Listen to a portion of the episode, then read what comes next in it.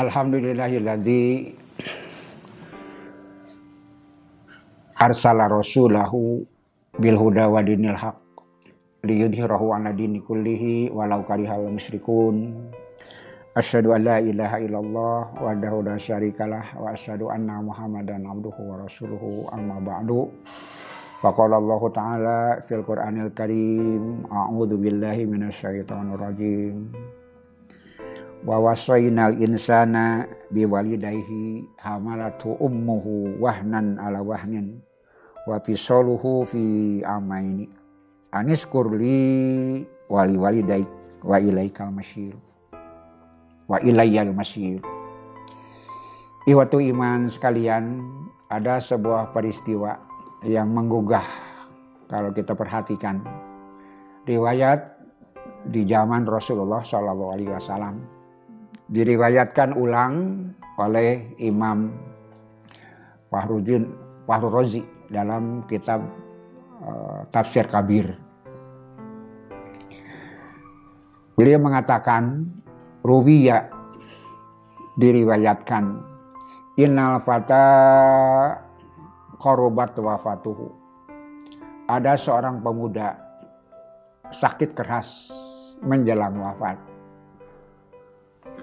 ada orang muda sakit keras menjelang wafat wa taqalat lisanuhu an qauli la ilaha illallah tapi lidahnya seperti terikat, tidak bisa mengucapkan la ilaha illallah.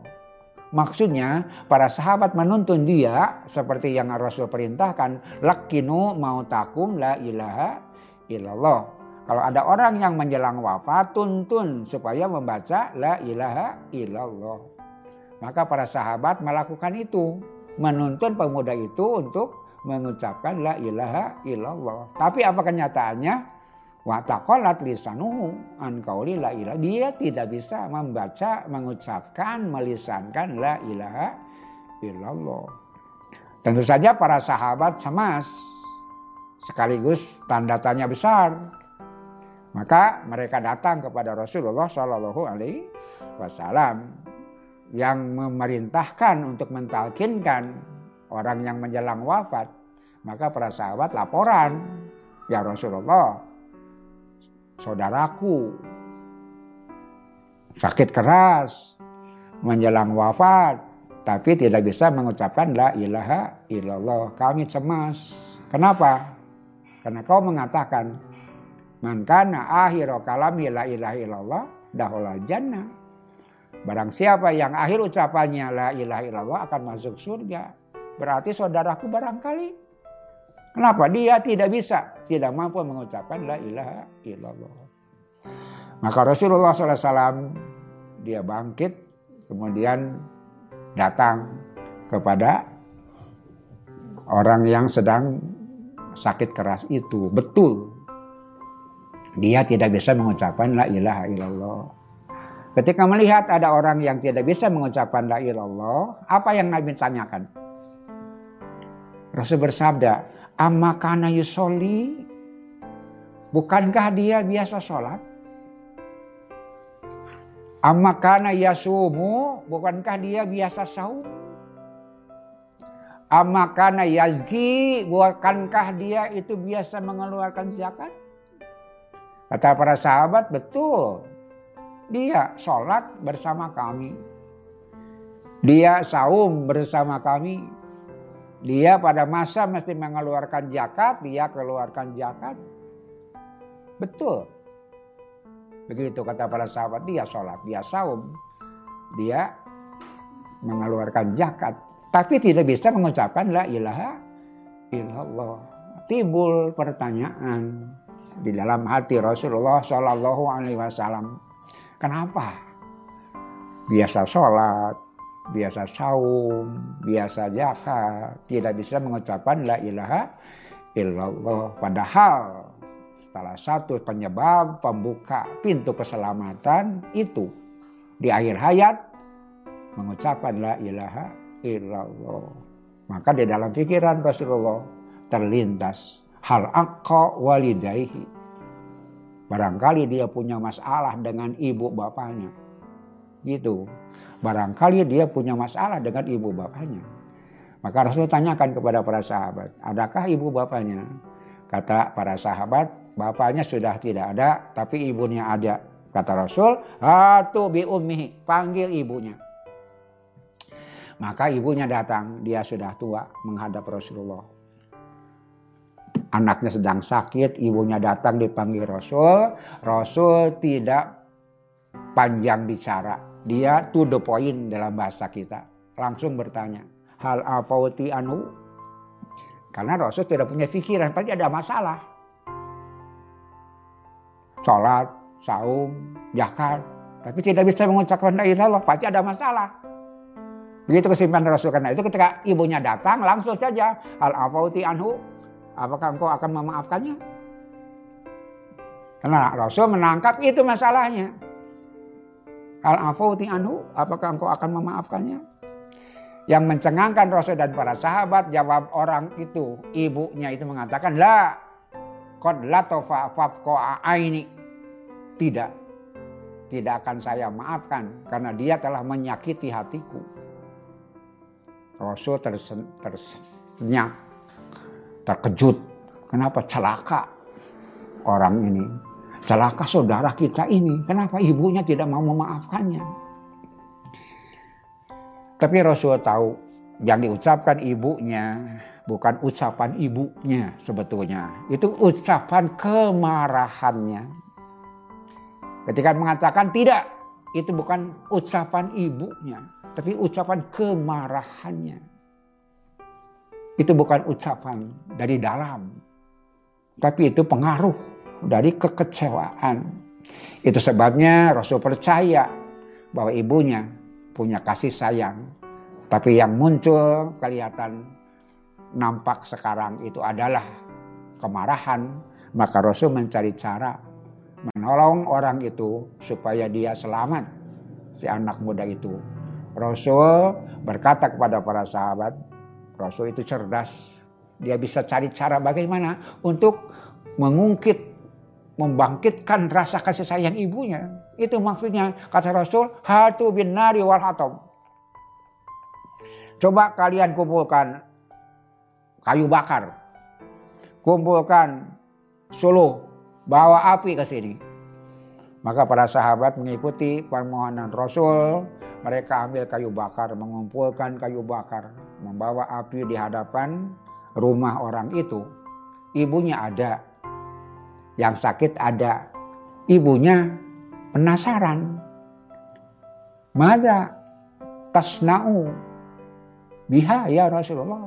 Apa yang kau lakukan ya Rasulullah? Membawa kayu bakar, membawa api. Rasul mengatakan dengan tegas, uharrikuhu jazaan bima amilabik saya akan bakar. Anakmu mudah-mudahan jadi penghapus dosanya.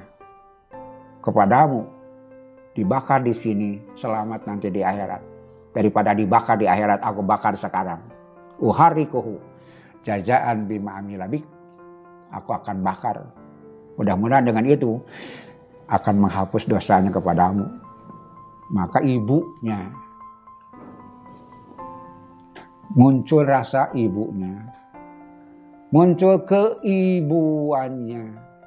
Yang tadi diucapkan itu adalah kemarahan, kekecewaan. Betul, perhitungan Rasul. Ibunya melihat dan mendengar anaknya akan dibakar. Dia bertanya kepada Rasulullah, Ya Rasulullah, A'linari hamil tuhutis arta asurin. Alinari arda tuhu sanata ini La, la, la.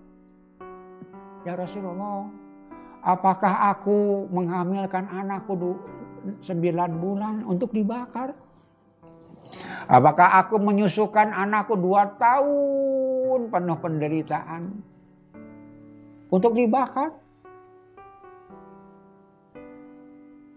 Aku berkorban segalanya buat mendewasakan anakku. Semua itu bukan untuk dibakar. Aku tidak rela anakku dibakar. Kata dia dengan tegas, afautu, afautu.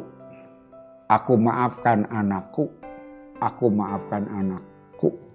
afautu afautu. Begitu kata ibunya, hampir bersamaan dengan ucapan ibunya afautu afautu itu dia dituntun kembali untuk mengucapkan la ilaha illallah ternyata dia bisa la ilaha illallah. Dia mampu mengucapkan kalimat tauhid menjadi pintu keselamatan buat dirinya.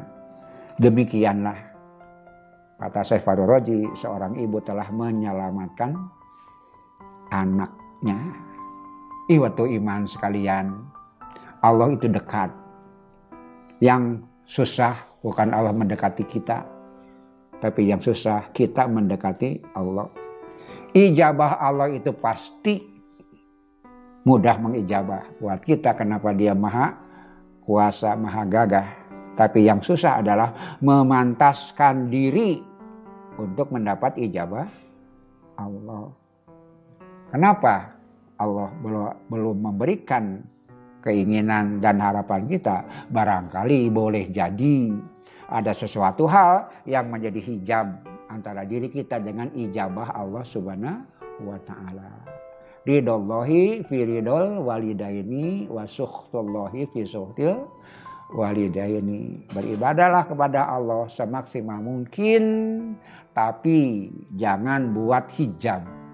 Jangan buat penghalang antara kasih sayang Allah dengan kita, antara ijabah Allah dengan kita. Apa penghalang itu? Durhaka kepada ibu dan bapak. Itu adalah hijab penghalang kita dengan kasih sayang Allah. Hijab dan penghalang antara kita dengan ijabah Allah subhanahu wa ta'ala.